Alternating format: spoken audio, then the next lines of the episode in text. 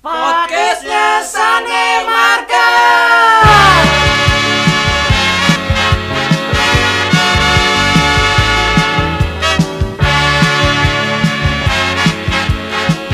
Happy Sunday Peters GPW Pasar Minggu Kembali lagi di podcastnya Sunday Market Setelah dua minggu kita tidak bertemu dalam podcastnya Sunday Market Bukan begitu Kak Irmi?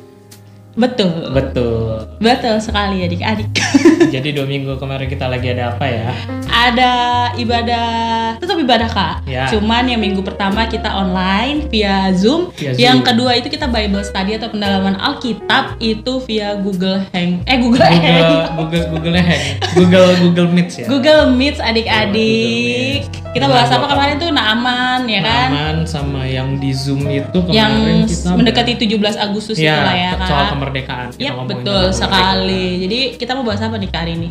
Ya, wow to the point sekali Bagus, Oh iya dong oke jelas. Uh, minggu ini, eh, kan Kak Irmi yang ngajar ya kebetulan. Kenapa nih? Kan makanya saya tanya sama Oh, iya, Kak. Kristo, kita mau bahas apa minggu Iya. ini Kak? Ceritanya gitu. nggak tahu, ceritanya nggak tahu. Oh, Aduh, iya. apa ya? Kita mau bahas apa sih Kak Irmi? Ah kamu lama Kristo. Wow, terima kasih Irmi. oh iya. Apa kita mau bahas apa Kak Irmi minggu ini? Oh gantian kamu tanya kita. Oh iya, kan karena Kak Irmi yang ngajar. Oh gitu. Iya. Maaf ya adik-adik Ini biar suasananya cair aja. kebanyakan ketawa. Jadi gini kakek Kaito, makanya Ya. ikut persiapan. Enggak adik-adik. Lanjut ya. Jadi eh, jangan marah dong. Bapak marah sih. marah. Oh enggak. Cuma enggak. agak rasa ya matanya lanjut. nggak marah emang Kak Kristo tuh suka lebay orangnya jadi kita minggu ini untuk tanggal 30 nih kak Uh, udah Iya. nggak berasa nggak sih udah akhir bulan Iya. lagi Kita udah hampir tujuh bulan ya di rumah. oh iya benar 7 bulan ntar lagi Iya. melahirkan iya, dua bulan lagi lahir anak saya ini. oke Oke, kita mau bahas apa? tentang hikmat kak Oke, hikmah. Mhm. Kayaknya tahu nggak kak hikmat belum ya belum ya? Ada di pasal di Pancasila yang keempat ya. oh iya sih benar tapi ya udahlah Ya kita nggak bahas ya. pancasila Memang kok nggak penting juga sih iya emang lu suka intermezzo ke mana-mana deh. Iya betul. Oke kalau gitu sebelum kita mulai Kak Irmi seperti biasa jangan nyuruh saya berdoa berdoa. gantian lah hostnya berdoa Saya hanya minta tolong Kak Irmi untuk berdoa. Oh parah banget sih ini Ya. adik-adik. Oke adik-adik kita udah lama nggak bertemu via Podcast. podcast, via Instagram ya, Ya, IGTV di juga ya. IGTV. Nah seperti biasa kalau misalnya kita mau baca firman Tuhan, kita mau mendengarkan, kita mau merenungkan, kita mau saling sharing meskipun kita yang di sini doang yang sharing, tapi Ya. adik-adik mendengarkan di rumah, tolong siapkan uh, dirinya adik-adik masing-masing, siapkan Yes. Alkitabnya, siapkan sikap yang baik, siapkan sikap yang siap untuk membaca firman Tuhan. Oke adik-adik, karena kita akan mulai dengan berdoa. Mari adik-adik, kita satukan hati, kita berdoa. Tuhan Yesus yang baik, Tuhan Yesus yang bertahta di dalam kerajaan surga. Terima kasih Tuhan atas penyertaan-Mu pada setiap kami Tuhan anak-anak-Mu di minggu minggu ini sehingga kami boleh tiba Tuhan di tanggal 30 Agustus ini Tuhan. Tuhan, pada hari ini Tuhan, kami kembali akan mendengarkan firman-Mu, kami juga akan membacanya.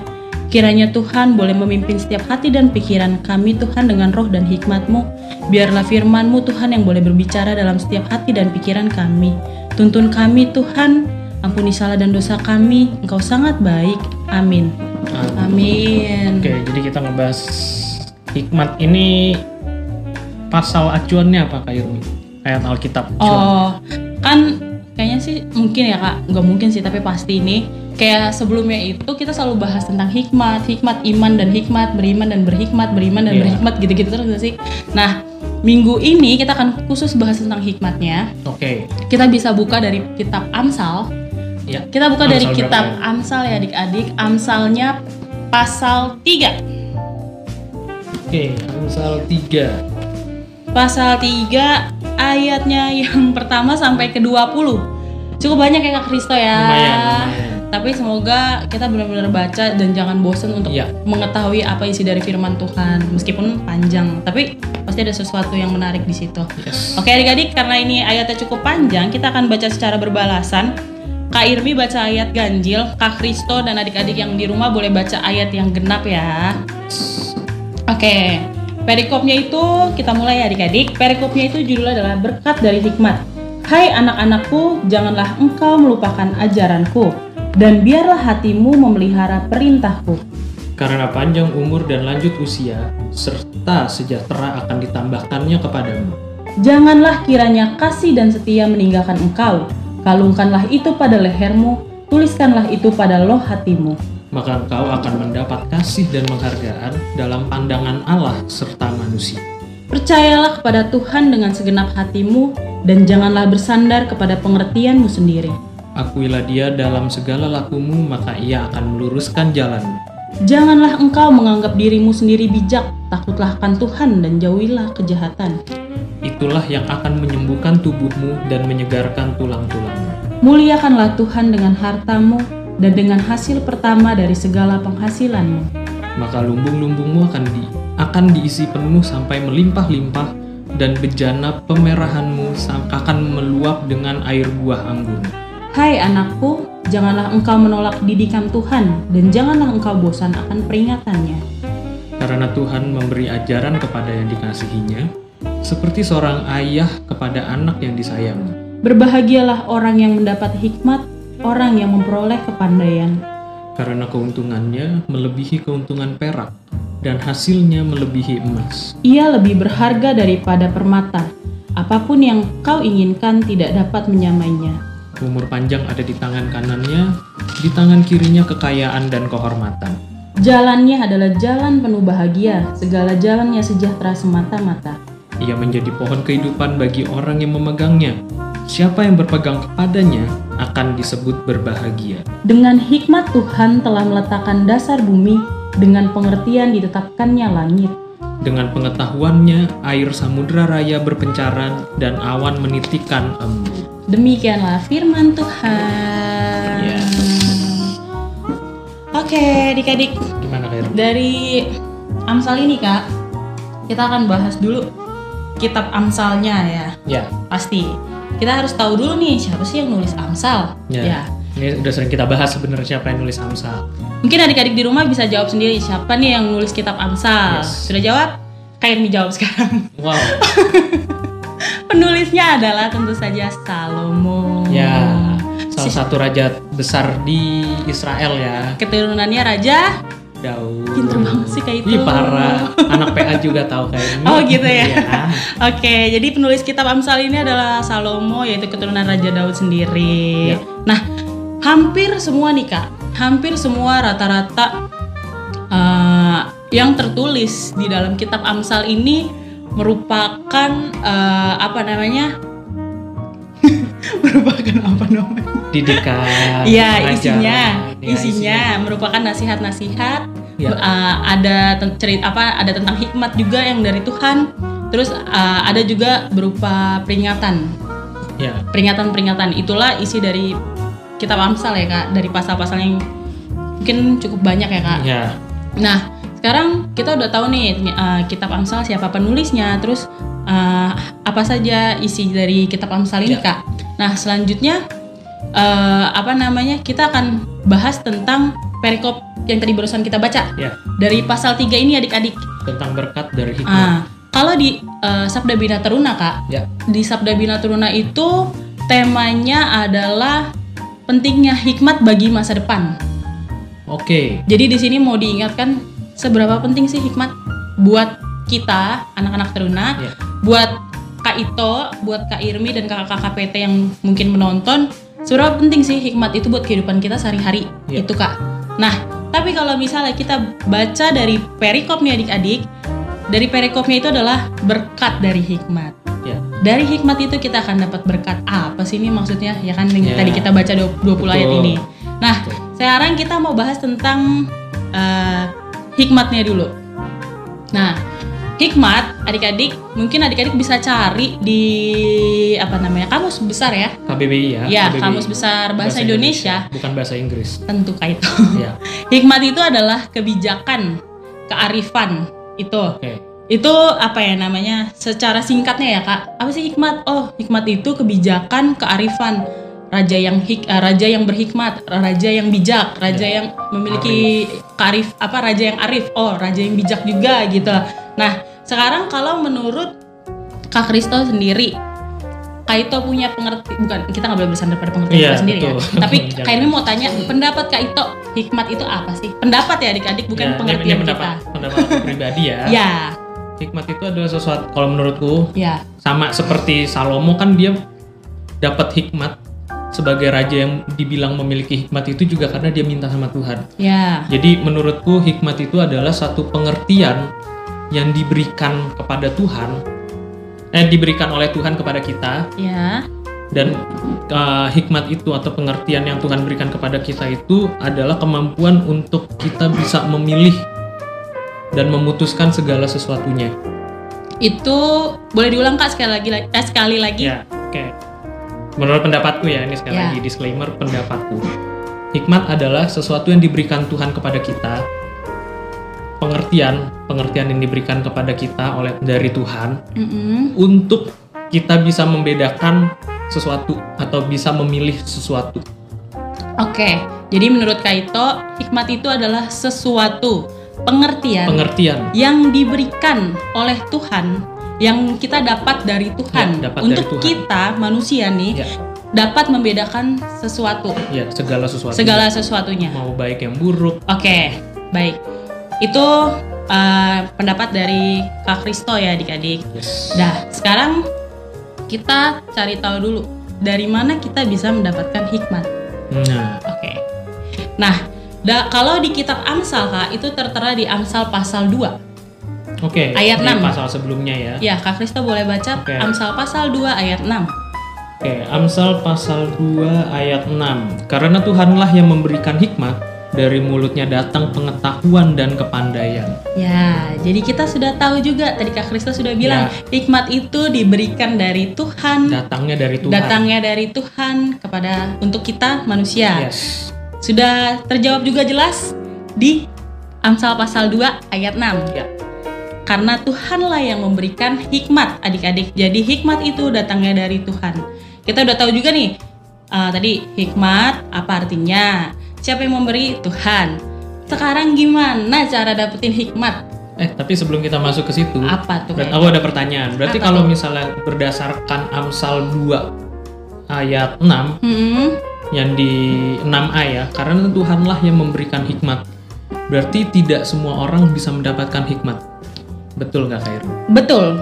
Karena ada apa ya? Kiat-kiat mendapatkan hikmat. Oke, ada itu- itu caranya. berarti akan dibahas ada ya. prosedurnya. Enggak cuma enggak cuman kayak Tereng, gue dapet hikmat dari Tuhan. Ya, Lu tau dari mana lu dapet ya, hikmat dari ya. Tuhan? Lagi ada dikasih pilihan misalnya. Kamu ya nabi gitu. Nah, Kan nggak mungkin. "Ah, aku berhikmat nih. Enggak, Iya, enggak, enggak mungkin. instan berarti. Sama kayak Woi, gue pinter loh sekarang. Gak mungkin kan lo tiba-tiba mungkin pinter. Pasti ya. ada sesuatu yang lo lakuin dulu supaya lo bisa pinter. Betul, Bener kan? betul. Nah, itulah hikmat. sama seperti eh, sama kayak Ah, hikmah. hikmah Tuhan nggak mungkin tiba-tiba kasih Kahito hikmat kalau Kahito nggak do something dulu kepada Tuhan, ke Tuhan. Betul. Bener kan? Betul. Nah, itu kenapa kita akan bahas Oke. di sini. Oke. Oke, kita bahas adik-adik. Yang pertama kita baca dulu di pasal 3 ayat 1. Gimana cara kita dapetin hikmat? Ada nih Kak yang cara yang pertamanya.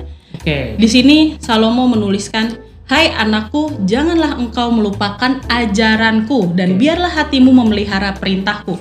Jadi yang pertama diingatkan jangan melupakan ajaran Tuhan. Ajaran Tuhan yang mana adik-adik? Yang jangan berbohong, Ya. jangan mencuri, jangan Intinya segala sesuatu yang tertulis di dalam Kitab. Alkitab ya. dalam firman Tuhan. Ya. Itu. Maka dibilang yang pertama, kalau kita mau dapat hikmat jangan melupakan ajaran Tuhan. Yes. Terus yang kedua eh, ada di ayatnya yang ketiga. Janganlah kiranya kasih dan setia meninggalkan engkau. Oke. Itu kan? Kasih dan setia jangan janganlah meninggalkan engkau. Kalungkanlah itu pada lehermu, tuliskanlah itu pada loh hatimu. Kalau kita bahas tentang kasih setia Tuhan, di sini Salomo mengingatkan jangan ditinggalkan. Karena eh, Kita yang jangan jang- meninggalkan, jangan kasih meninggalkan. kesetia- kasih Karena apa? kesetia. Terus dibilang kan disuruh kalungin. Kalau kemarin uh, kita persiapan tuh sama Kak Eki dibilang yang namanya orang pakai kalung itu pasti akan dipakai terus kan. Gak Ya. mungkin kita tinggalin gitu aja. Apalagi kalau misalnya kalungnya emas dan segala macam Ya. gitu kan. Nah, sama dibilang kalungkan. Uh, terus dibilang di sini tuliskanlah itu pada loh hatimu. Kalau kita tahu loh batu, ya kan? Untuk Itu- ini anggaplah ngeloh batu nih. Ah, ah, itu Kotak. Diukir Ya, Diukir tuh pasti berbekas, nggak akan hilang. Sama dibilang eh, apa namanya? Tuliskanlah kasih setiamu itu pada loh hati kita. Diukirkan jangan sampai hilang dan akan pasti i- berbekas itu. berarti si kasih setianya itu harus Ah-ah. melekat dan jadi bagian dalam kehidupan kita, dalam diri kita. Ya, itu. Ya. Jadi yang pertama janganlah melupakan ajaran Tuhan. Yes. Yang kedua jangan meninggalkan kasih setia Tuhan. Terus yang ketiga eh, tadi aku agak skip. Yang ketiga itu peliharalah perintah Tuhan yang di Ya, ayat yang di pertama. pertama ya. Ya, Berarti yang pertama adalah jangan melupakan ajaran Tuhan, yang kedua pelihara, perintah, perintah Tuhan. Yang Yang ketiga, ketiga, jangan meninggalkan kasih, kasih setia, setia. Tuhan. Itu baru tiga ya adik-adik. Nah, ada lagi nih kak, yang ayatnya yang kelima. Ya. Ini sering kita dengar ya. Ya, percayalah kepada Tuhan dengan segenap hatimu dan janganlah bersandar kepada pengertianmu sendiri. Ya. Percayalah kepada Tuhan dengan segenap hatimu.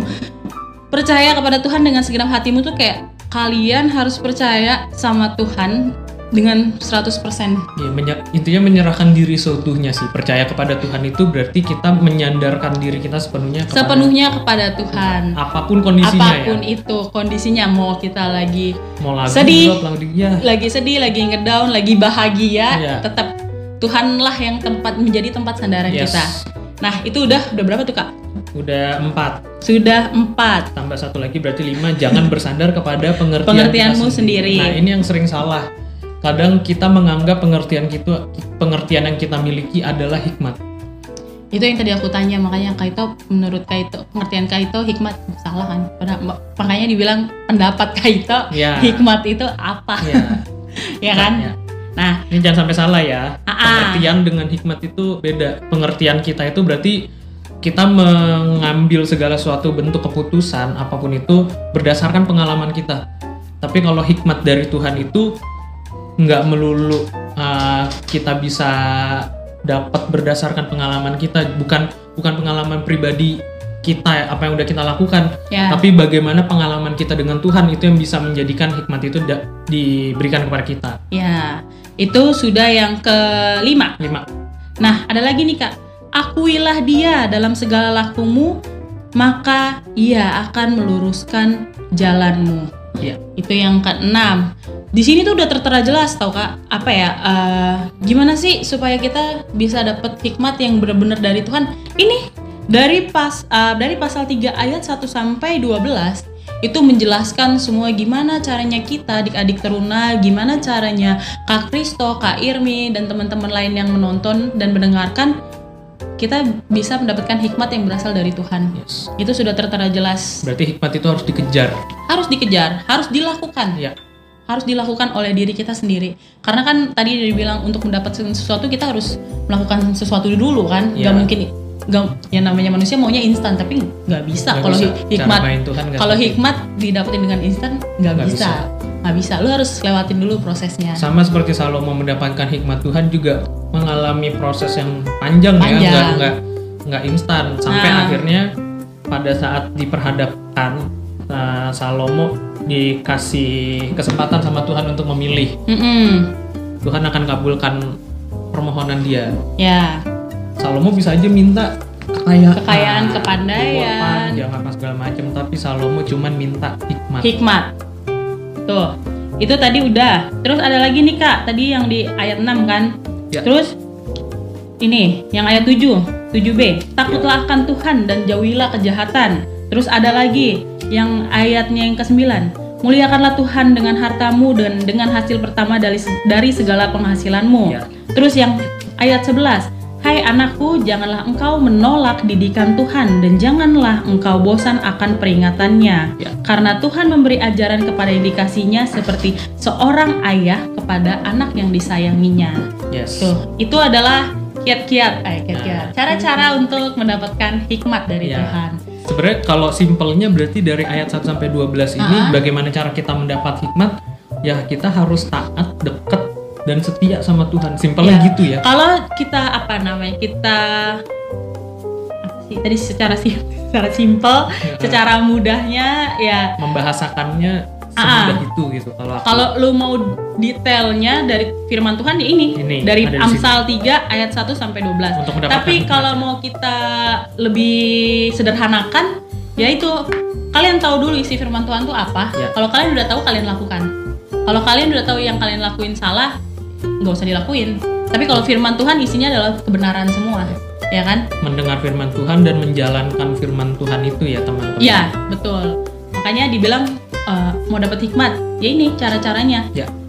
Hai anakku, janganlah kau melupakan ajaranku, pelihara perintah Tuhan, jangan meninggalkan kasih setia Tuhan, percaya pada Tuhan dengan segenap hatimu, dengarkanlah didikan Tuhan, jauhilah yang jahat dan segala macam. Itu adalah caranya, ya kan Ya. kak? Ya. Nah, kalau di sini dibilang berkat dari hikmat, ketika kita sudah melakukan sesuatu yang eh, sesuai dengan perintah Tuhan nih kak Ito, Ya.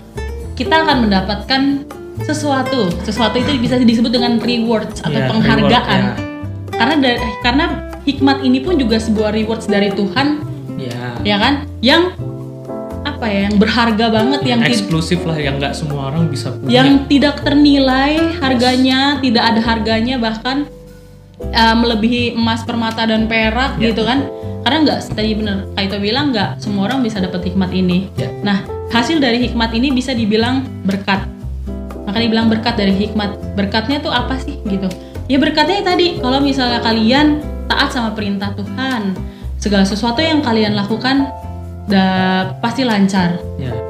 Ya. Terus segala sesuatu yang kalian lakukan pasti udah sesuai pertimbangan, Ya. sesuai uh, pertimbangan apa ya pertimbangan uh, dipikirkan Ada- ya, dulu matang-matang, dengan terus dan minta minta petunjuk dari petunjuk Tuhan dari seperti- Tuhan harus seperti apa. harus seperti Ya, apa. lancar pun tadi yang Kak Irmi bilang bukan berarti lancar terus Bener-bener sama sekali lancar tidak ya, ada nggak ada. halangan. Ya, tetap ada halangan tapi lancar di sini kenapa bisa lancar karena setiap perjalanannya up and down-nya tetap kita stay on track sama Tuhan Tetap gitu. kita kuat dan mampu untuk melewatinya. Ya, Karena itu tadi kita berhikmat. Ya. Kita mendapatkan hikmat dari Tuhan. Nih kan tadi sampai uh, ayat 12. Kalau kita lanjut baca nih Kak, dari ayat 13 sampai 20, itu adalah hasil dari kita melakukan hikmat melakukan hal-hal yang seturut Yang dengan kehendak perintahkan, ah, yang ya, seturut ya. dengan kehendak Tuhan. Oke. Jadi dari pasal ayat 13 sampai dengan ayat 20, berbahagialah orang yang mendapat hikmat, orang yang memperoleh kepandaian karena keuntungannya melebihi keuntungan perak. Ya. Makanya dibilang hikmat itu lu dapetin dulu hikmat, ya. baru nanti lu bisa dapetin berkatnya. Lu cari dulu hikmat dari Tuhan, lu lakuin dulu perintah Tuhan, baru lu akan ngerasain berkat dari Tuhan juga. yes dan berkatnya pun Ah, mesti diluruskan ini bukan cuman berkat materi dalam arti ketika kita berhikmat kita akan menjadi orang sukses jadi orang kaya, kaya, kaya raya, banyak, mobil Lamborghini, Ah. subscriber YouTube 13 juta nggak gitu ya. Nggak gitu kan? Nggak gitu, tapi berkat it- ya itu juga berkat tapi kembali lagi kalau kita ingat obrolan soal berkat sama Kak Gustaf beberapa minggu yang silam, udah lama banget. Berkat itu nggak cuma diukur dari berkat secara materi, Mm-mm. tapi banyak banget. Karena kedekatan atau hubungan pribadi kita dengan Tuhan itu juga berkat karena nggak semua orang punya uh, kesempatan untuk bisa deket sama, Sama Tuhan. Tuhan. Karena biasanya kan kita yang meninggalkan. Tuhan Tu- mah nggak pernah Tuhan nggak pernah meninggalkan. ninggalin. Nah, itu tadi uh, kita bahas tentang ketika kita sudah mendapatkan hikmatnya, kita akan mendapat berkatnya. Berkat, ya. Berkatnya itu yang tadi tertulis di ayat yang 13 sampai ke 20. Nah, bagaimana sih hikmat itu bisa terjadi? Nah, kita harus tadi kayak itu bilang uh, dekat dulu sama Tuhan. Kita akan di ketika kita dekat sama Tuhan, pasti kita akan diproses adik-adik. Iya. dan prosesnya itu nggak selalu lancar nggak selalu semau sejak apa sepemikiran kita wah bakal kayaknya bakal lurus-lurus aja nih Iya, enggak tadi kita udah sebutin prosesnya itu nggak akan semudah yang ada di pikiran kita Iya. pasti Tuhan mau kita melewati proses-proses yang anggaplah kita bisa bilang itu sulit kenapa Iya. sulit supaya kita bisa bertumbuh mulai dari Bertumbuh, im- karena di situ kita diuji kan kak diuji imannya diuji kesabarannya diuji kita masih menga- tetap mengasihi Tuhan Iya, atau enggak kesetiaan kita kepada Tuhan Ah. diuji juga. Makanya dibilang ketika lu diproses ya lu nikmati prosesnya supaya nanti ketika lu dapat hasilnya, ketika kalian dapat berkatnya, pasti kita akan lebih merasa bangga dan kita akan lebih merasa puas. Iya. Karena itu hasil dari kita diproses sama Tuhan. Iya. Ya kan Kak? Itu ketika uh, ketika kita bisa ngerasain bagaimana sih hikmat itu bisa ada dalam diri kita manusia. Nah, terus kita udah bahas nih Kak, uh, apa namanya? Hikmat itu apa? Hikmat itu siapa yang memberikan? Ya.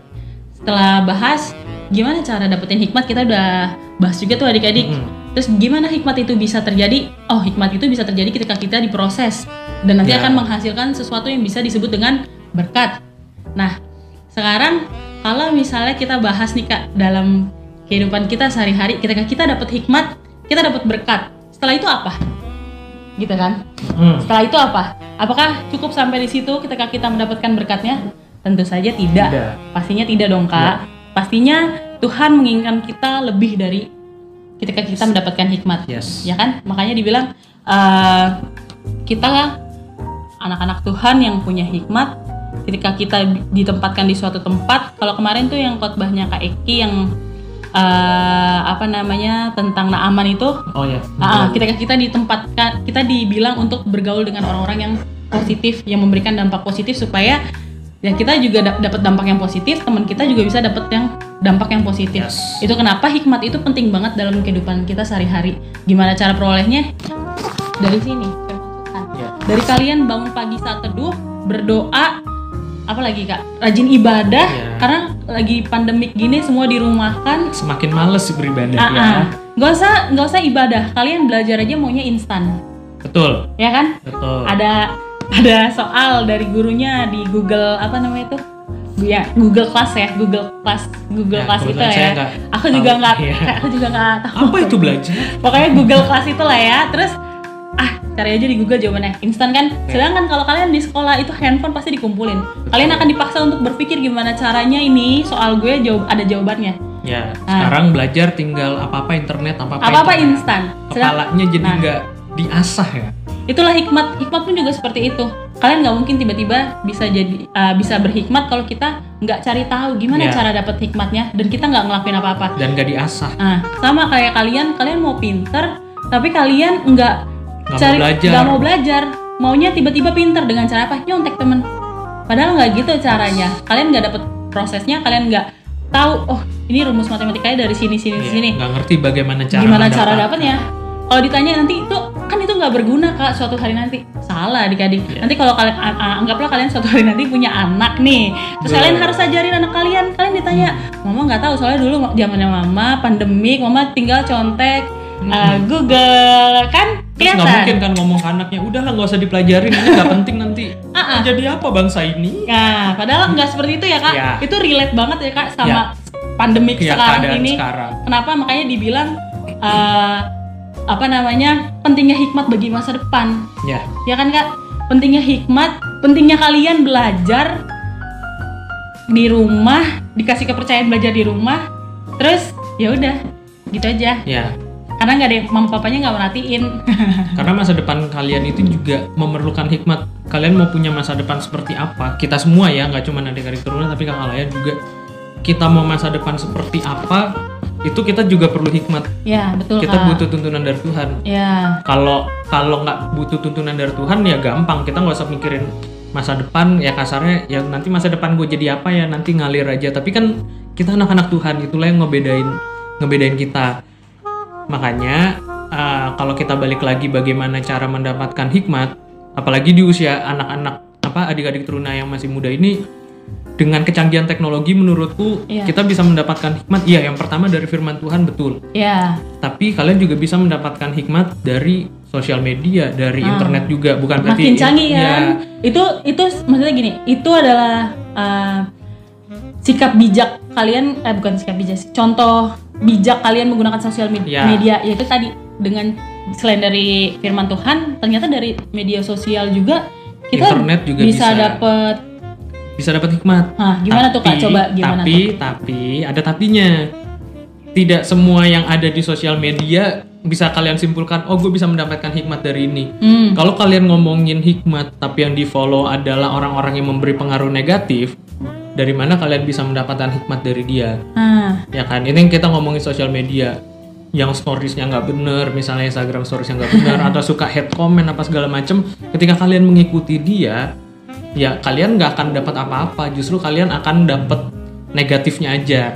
Tapi kalau misalnya kalian follownya orang-orang yang ada di komunitas rohani yang bisa membangun ke apa ya? Intiman kita keintiman kita dengan Tuhan, dengan Tuhan. De- ya, kedekatan akun- ya, kedekatan kedekat- kita dengan ya Tuhan lewat akun-akun rohani yang kalian follow atau Ah. kalian kalian mungkin punya eh, satu persekutuan sendiri, punya Instagramnya Ya. itu yang kalian follow, teman-teman yang kalian follow, itu yang akan akhirnya kita dapat hikmat dari Betul. situ. Akan bertumbuh bukan bukan instan ya, bukan instan Ah. ketika kalian follow terus dapat hikmat enggak. Tapi Enggak. sedikit demi sedikit kita Itu- akan mengerti bahwa oh ini yang ternyata ternyata ini namanya hikmat. proses Ya, balik lagi prosesnya. ke proses nah Betul. itu kenapa penting banget hikmat buat kehidupan kita sehari-hari Ya. makanya dibilang em, pengetahuan manusia pengetahuan manusia itu adalah ketika kita belajar di sekolah itu pengetahuan kita ya Biar pengetahuan juga. yang berasal dari manusia Ya, nah yang kita alami sebagai Ah. manusia yang kita jalani. ya. itu suatu saat nanti pasti bisa hilang suatu saat nanti kita bisa lupa akan itu apalagi kalau anggaplah kita sudah menua bisa Ya. aja kita jadi eh, apa pikun Ya. bahasa halusnya tuh ap- apa ya mudah lupa. Nah terus itu pasti bisa hilang pengetahuan yang berasal dari manusia pasti bisa hilang. Tapi pengetahuan tentang firman Tuhan tentang Alkitab yang berasal dari Tuhan itu pasti pasti dan akan selalu sampai nanti kita tua kita akan pakai itu. Karena itu adalah hikmat yang Tuhan kasih buat kita. Makanya penting banget hikmat buat kehidupan kita sehari-hari. Itu penting banget adik-adik gimana kita bisa bertumbuh gimana kita bisa bertindak sebijak mungkin dan bagaimana kita bisa mengambil keputusan sesuai Ah. dengan apa yang Tuhan mau bukan Iya. de- bukan dengan apa yang kita apa mau yang kita inginkan Hmm, karena hikmat itu kayak yang bilang tadi pengertian akan sesuatu yang datangnya dari Tuhan Iya. berarti segala sesuatu yang kita ambil harus sesuai dengan apa yang Tuhan mau bukan kita mau bukan keinginan kita sendiri Yes. adik-adik intinya ketika kita sudah mendapatkan hikmat dengan kita melakukan hal-hal yang terlebih dahulu harus kita lakukan berdasarkan firman Tuhan kita pasti akan mendapatkan berkatnya yes berkat bukan berkat uh, jasmani doang bukan hanya kekayaan berupa materi Ya. tapi berkat rohani pun juga kita akan rasakan Betul. ketika kita berhikmat kita juga harus bisa jadi dam- uh, berdampak positif buat teman-teman kita Ya. di sekitar di sekitar kita kalau tadi Kak Ito ngingetin enggak enggak uh, apa namanya hikmat itu bisa kita peroleh memang yang pertama banget itu dari Alkitab. Tapi selain dari Alkitab kita juga bisa dapat dari media sosial. Makanya atau di teman-teman nongkrong atau teman-teman nongkrong, nongkrong. tapi teman-teman nongkrong yang positif ya Iya, kak. Makanya dibilang betul. harus berdampak. Betul. Kalau uh, pergu- apa pe- pertemanan kita harus Sehat uh, lah. ah, ah, harus sehat. Pertemanan sehat. Harus positif ya kak. Ya. supaya kita juga bisa jadi dampak buat orang lain. Itu sih. Kalau kita bahas secara singkat udah gitu doang. Tapi memang melakukan untuk mendapatkan hikmat itu nggak gampang. Betul. kita harus mau diproses kita mau harus mau usaha kita harus mau berjuang kita harus mau sungguh-sungguh mencari hikmat itu. Ya, dan prosesnya nggak nggak secepat yang kita bayangkan kayak Ah. oh berarti gue ditempa setahun cukup kali gue dapat hikmat. Nggak. Tuhan nggak akan sampai di situ doang. Ketika lu dapet hikmat pun juga lu akan tetap diproses. Iya, karena dan Tuhan akan naik kelas terus. karena Tuhan mau lihat seberapa besar kasih kalian buat Iya. Tuhan. Karena Tuhan tuh besar banget kasihnya buat kita Tuhan juga mau lihat seberapa setia kalian sama Tuhan seberapa besar kasih setia tuh uh, kalian kepada, Kepada Tuhan. nah dengan begitu Tuhan nggak akan nggak akan ragu untuk kasih hikmatnya buat orang-orang yang dia kasihi. Seperti itu adik-adik. Jadi kalau ditanya hikmat itu dari mana? Hikmat itu dari Tuhan. Dapatnya dari mana? Dengan kalian berdoa bersateduh berrajin ibadah kumpul-kumpul dengan teman-teman yang positif saling sharing tentang firman Tuhan. Kalau dia misalnya ah kayak gitu so rohani banget. Ya terkadang kita perlu adik-adik seperti itu persekutuan itu perlu. persekutuan itu Bukan perlu untuk, untuk bukan bukan sorohani tapi, saling memang menguat saling untuk saling Ya. menguatkan terus uh, dengan ketika kita sudah dapat hikmat kita akan memperoleh berkatnya Ya. dan itu hikmat, tadi dibilang kalau pengetahuan tentang pengetahuan yang berasal dari manusia suatu saat nanti kita akan kehilangan Hilang. itu semua Yes. tapi pengetahuan tentang firman Tuhan ini akan menjadi pedoman hidup kita sampai nanti kita uh, opa oma sampai Ya. nanti kita dipanggil Tuhan kembali ya itu seperti itu karena kita harus hidup sebagai orang-orang yang berhikmat supaya apa pun yang kita lakukan uh, semuanya seturut dengan kehendak Tuhan dan, supaya dan bisa digunakan untuk memuliakan Tuhan Yes, betul. Karena segala sesuatu yang kita lakukan semuanya untuk, hanya untuk kemuliaan nama Tuhan. Yes. Amin, Kaito. tadinya mau ngasih cerita tapi kayaknya nggak perlu ya Nggak perlu kak. Nggak perlu. Mungkin Oke. bisa di next saja. Oke. Cerita Kaito tuh seru-seru makanya kak lu bikin konten sendiri. jangan takut viral Nggak apa-apa. Kita bikin sendiri nanti sama Kak Jor, sama nah, Kak ya, Alfa. ya, nanti, nanti coba kita create ya Kalau lu udah nggak sibuk ya? Hah? iya saya lagi sibuk puji Tuhan Kan karena sibuk banget nih sekarang. Oke adik-adik, amin ya. Jadi jangan lupa tentang hikmat. Berkat dari hikmat itu luar biasa melebihi materi kekayaan dan segala macam jenisnya karena Hikmat itu hanya diberikan oleh Tuhan kepada kita yang mau melaksanakan dan menjalankan semua yang tertulis dalam Iya. Alkitab. Paling Amin. gampangnya lang terakhir nih sebelum Apa sebelum tutup. Langkah gampang untuk misalnya kalian bener-bener pengen mendapatkan hikmat itu, Hmm. mulai dari kalian dekat dulu sama Tuhan. Udah Yes. itu aja dulu. Cara Itu yang- deketnya itu juga yang gampang kok kak, ya. cuman bangun pagi berdoa saat teduh. ya ya bangun pagi mungkin mau cuci muka dulu nggak apa-apa maksudnya ya. biar melek maksudnya kalau berdoa sambil setengah sadar atau saat teduh juga kan agak aneh karena aku Oh, pribadi iya, juga iya. gitu bangun Oke, tidur oke. sadar dulu udah Iya, iya. full sadar Masa iya masa masa baru setengah tuh eh, Iya. ntar tidur lagi Iya, jangan Oke. kita tutup ya kak dalam oke doa. silakan kak Irmi Adik-adik, mari kita bersatu dalam doa. Bapak terima kasih Tuhan untuk kebaikan-Mu sehingga kami pada hari Minggu ini boleh mendengarkan firman-Mu. Biarlah kami Tuhan mau menjadi anak-anak yang takut akan Engkau sehingga Engkau Tuhan boleh memberikan boleh tetap memberikan kasih-Mu dan bahkan memberikan hikmat-Mu Tuhan kepada setiap kami Tuhan anak-anak-Mu. Biarlah apa yang kami lakukan Tuhan semua seturut dengan kehendak-Mu. Terima kasih Tuhan Yesus, inilah doa kami, Engkau sangat baik. Amin. amin Amin. ada warta PT kak Irmi buat minggu ini Paling biasa eh, persembahannya adik-adik sudah boleh kok ke gereja. Kalau kalian mau memberikan persembahan, kalian bisa datang langsung ke gereja, minta amplop ke sekretariat, terus kalian bisa berikan persembahan secara langsung. Atau kalau mau ditahan dulu, boleh di celengan yang kalian beli ataupun kalian buat. Nanti kalau sudah penuh, kalian bisa datang langsung ke gereja, ke sekretariat untuk memberikan persembahan kalian. Itu atau aja yang sih, papa Kak. mamanya udah daftar untuk ibadah di gereja Ah, ah, boleh dititipin Boleh titip aku titip persembahannya, Ya. misalnya gitu. Boleh nanti ditulis aja pakai PT gitu seru gak sih? Boleh terserah, mau ditulis nama, mau inisial juga nggak Ya. apa-apa. Sih. MN hamba Tuhan gitu boleh. Boleh. Boleh. Siap kak. Ada lagi? Udah sih itu aja. Ada kuis? Ah, sepertinya ada. Sepertinya ada nanti dikabarin. Nanti di dikabarin di grup ya kak. Oke, kalau gitu segitu aja podcast minggu ini. Semoga firman yang disampaikan sama Kak Irmi boleh jadi sumber kekuatan buat kita juga dan akhirnya kita bisa menjadi orang-orang yang penuh dengan hikmat Tuhan. Akhir kata aku Kak Ito dan ada Kak Irmi di sini. Kita berdua pamit. Have a blessed week and Happy, Happy Sunday. Sunday.